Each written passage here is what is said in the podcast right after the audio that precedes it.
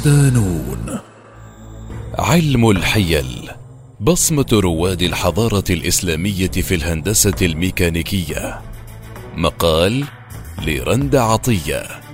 ضمن ملف صفحات من إرثنا العلمي. لم تقل إسهامات العرب والمسلمين في مجال علم الميكانيكا أو كما يطلقون عليه علم الحيل عن نظيره في العلوم الأخرى.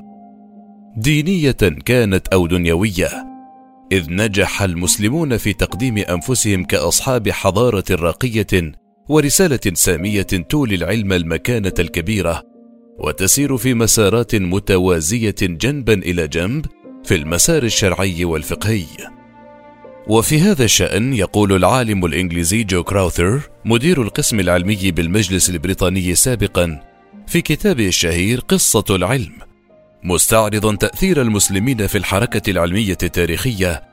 كان من الطبيعي بعد أن اطمأنوا على قوتهم العسكرية ومعتقداتهم الإيمانية يعني المسلمين أن يتجهوا لتشييد المدن الرائعة ودراسة ثقافة الحضارات التي دانت لهم.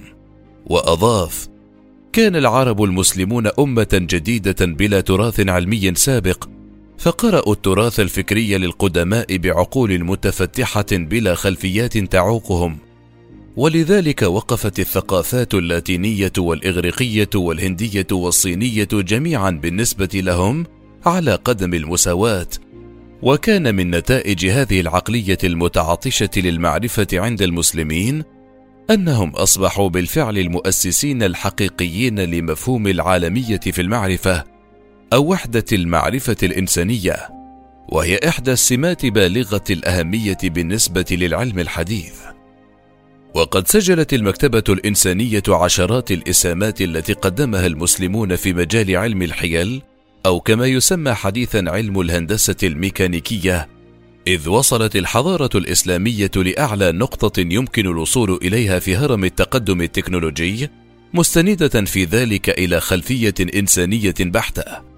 إذ لم تكن الميكانيكا وسيلة ترفيه أو لتحقيق أهداف دينية كما كانت في الصين والحضارات الأخرى. فقد كان ينظر علماء المسلمين إلى هذا العلم على أنه الحصول على الفعل الكبير من الجهد اليسير. توفيرا لجهد ووقت الإنسان ومن أجل الحصول على أكبر قدر ممكن من الاستفادة التي تصب في صالح البشرية جمعاء علم دراسة حركة الأجسام تعرف الميكانيكا بأنها علم الآليات وعلم القوى المحركة والساكنة بجانب علم الحيل وتندرج تحت إطار علوم الفيزياء المعنية بحركة الأجسام وقد بدأت إرهاصاتها الأولى في اليونان القديمة حيث كتابات أرسطو وأرشميد فيما وضع نيوتن وكيبلر وغاليليو النواة الأولى لما يعرف حاليا بالميكانيكا الكلاسيكية. وهي ذلك العلم الذي يتعامل مع الأجسام التي تكون في حالة سكون أو يكون تحركها أقل بكثير من معدل سرعة الصوت. وعليه يمكن القول إن الميكانيكا علم تجريدي تجريبي في آن واحد تجريدي في تطوراته وتجريبي في مبادئه الأساسية. هذا بخلاف أنه في المقام الأول علم رياضي بحت له فرضياته ومسلماته ومن ثم ينسحب بنظرياته ومعادلاته على العديد من المجالات التي تهتم بدراسة حركات النجوم والأجرام السماوية كالشمس والأقمار والكواكب. وينقسم هذا العلم إلى قسمين أساسيين وفروع عدة. الأول قسم الإستاتيكا وهو المهتم بدراسة الأجسام الثابتة أو الساكنة. الثاني قسم الديناميكا وهو الذي يدرس طبيعة القوى المؤثرة على الأجسام المتحركة الذي ينقسم إلى جزئين الميكانيكا الكلاسيكية وهي دراسة حركة الأجسام تحت تأثير قوة واحدة أو أكثر من قوة، والميكانيكا الكمية وهي دراسة وتفسير الظواهر على مستوى الذرة والجسيمات دون الذرية. انحصرت الاستخدامات الأولى لفروع الميكانيكا التي عرفتها الشعوب القديمة في مصر والصين والرومان والإغريق في الأغراض الدينية البحتة أو ممارسة السحر والشعوذة لدى الملوك والحكام فقد كان الصينيون يستخدمون العرائس المتحركة على المسرح الديني لإثبات حقائق دينية خاصة بالعقيدة وقدرة الإله الخاص بهم، حيث كانت العرائس تصدر أصواتا وكان الإله يتحدث إلى شعبه. الأمر كذلك عند قدماء المصريين، فيما يعود الفضل للإغريق تحديدا في الانتقال تدريجيا من الاستخدامات الدينية إلى وضع بذور علم الميكانيكا بشكله العصري. المسلمون وعلم الميكانيكا أولى المسلمون اهتماما كبيرا بعلم الميكانيكا في إطار الاهتمام الإجمالي بكل أنواع العلوم التي تهدف إلى الارتقاء بالجنس البشري وتحقيق أقصى استفادة ممكنة من العقل الفردي والجمعي وتوظيف قدراته في خدمة الإنسانية. لذا كان الهدف ابتداء من الرعاية الكبيرة لهذا العلم الحصول على الفعل الكبير من الجهد اليسير، كما ذكرت المراجع التاريخية وهم بذلك يخرجون من عباءة التسلية وخدمة الطقوس الدينية التي كانت تخيم على الشعوب السابقة. وفي إطار رحمة الإسلام بالإنسان والحيوان معًا، من خلال القضاء على العبودية التي كانت منتشرة في ذلك الوقت لإنجاز الأعمال الشاقة، بجانب تقليل العبء على الحيوانات التي كانت تستخدم في الأنشطة القاسية التي كانت تكلفها حياتها في كثير من الأحيان. كان لابد من توظيف الميكانيكا لتقليل تلك الأعباء وعليه أصبح لعلم الحيل عند المسلمين هدف أكثر دقة وهو التحايل على ضعف الإنسان من خلال التيسير عليه باستعمال الآلة المتحركة. وخلال القرنين الحادي عشر والثالث عشر استطاع علماء المسلمين وعلى رأسهم ابن سينا وأبي البكات البغدادي والرازي تطوير المنهجية العلمية للعديد من فروع الميكانيكا فأثروا المكتبة العلمية بالعديد من الإسهامات القيمة في دراسة الحركات والقوى فها هو الرازي يتوصل إلى أن الجسم تزداد قوته كلما كانت كتلته أكبر وهي النتيجة التي أثبتها علماء الغرب بعد ذلك بمئات السنين. أما ابن سينا فكان يرى أن الجسم له ميل للاستمرار في حركته يحس بها المانع الذي لا يتمكن من منع حركته إلا فيما يضعفها اولا. إذ تأخذ الموانع الطبيعية والخارجية في إفنائها قليلا. فيما أسهم البغدادي إسهامات كبيرة في تعزيز مفهوم التسارع من خلال التوصل إلى أن الجسم الذي يلازمه سبب حركته تزداد حركته على التواصل لولا مقاومة الوسط. سواء كانت حركته طبيعية أم قسرية.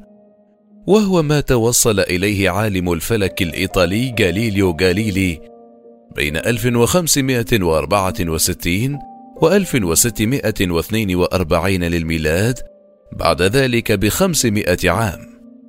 وهو ما توصل إليه عالم الفلك الإيطالي غاليليو غاليلي بعد ذلك بخمسمائة عام. حيث عاش بين 1564 و 1642 للميلاد.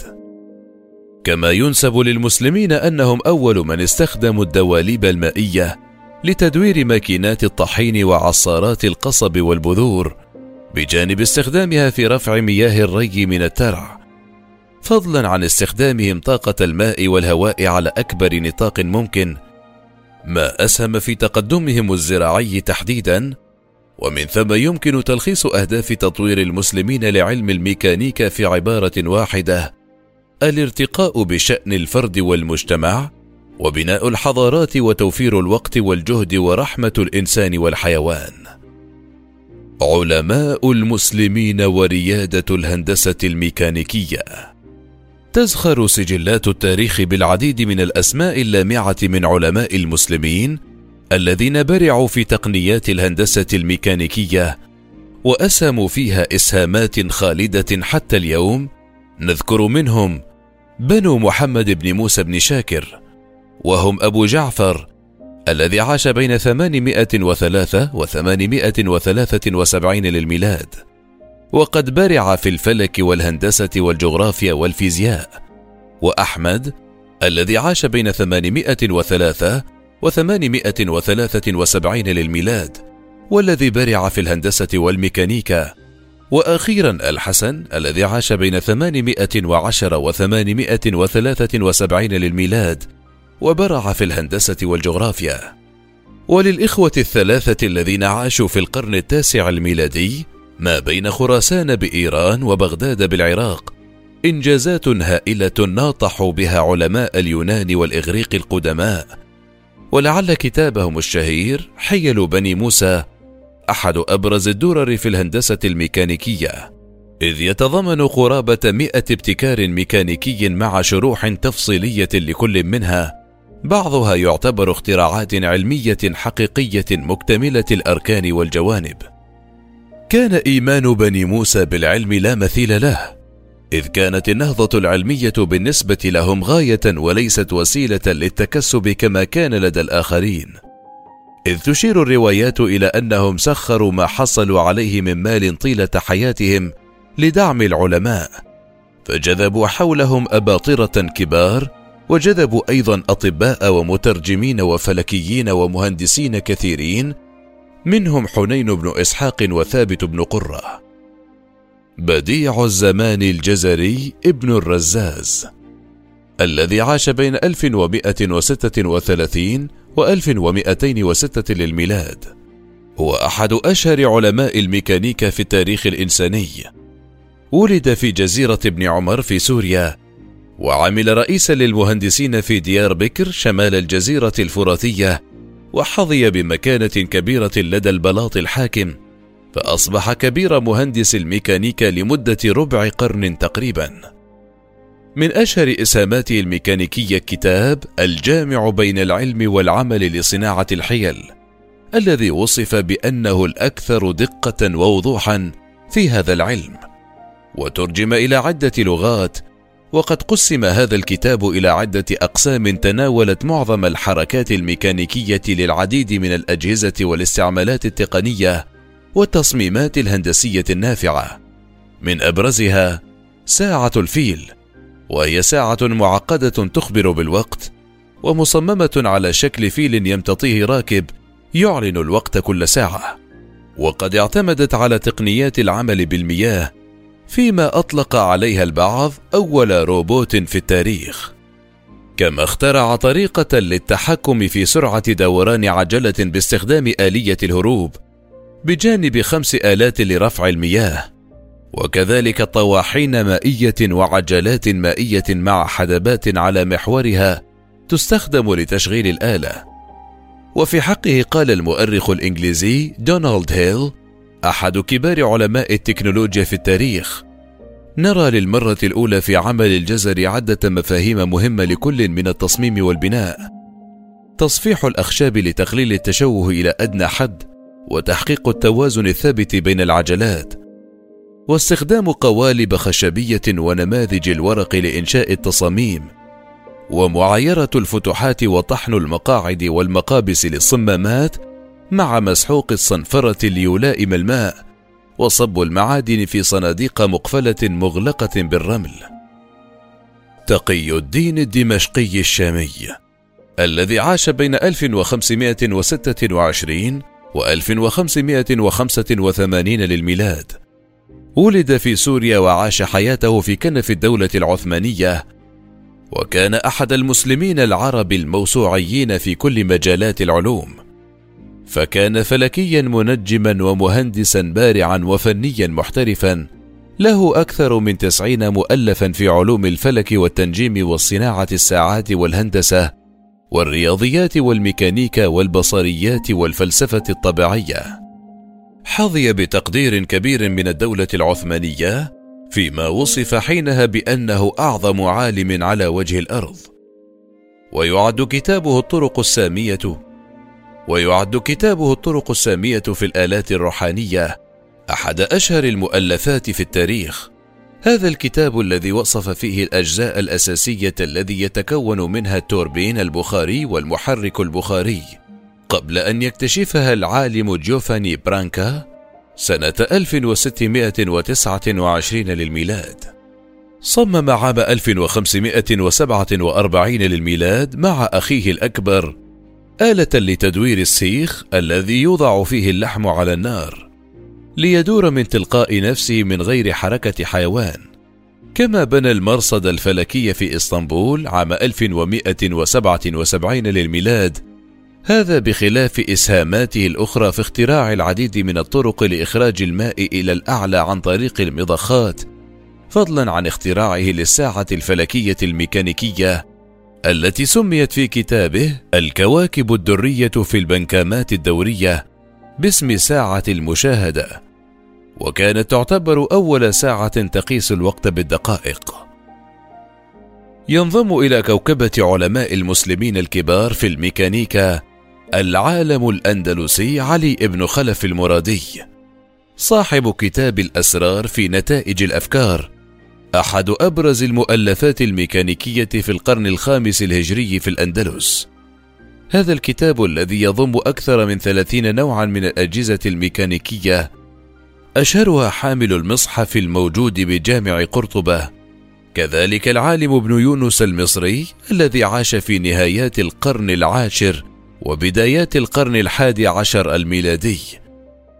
ويذكر عنه العالم البلجيكي الأمريكي جورج ألفريد ليون سارتو في مجموعته تاريخ العلم أنه أول من اخترع الرقاص واكتشف قوانين ذبذبته وذلك قبل أن يتوصل إليها العالم الإيطالي غاليليو بستة قرون. وهكذا تثبت الحضارة الإسلامية أنها ليست حضارة دينية فقط كما يدندن بعض المستشرقين.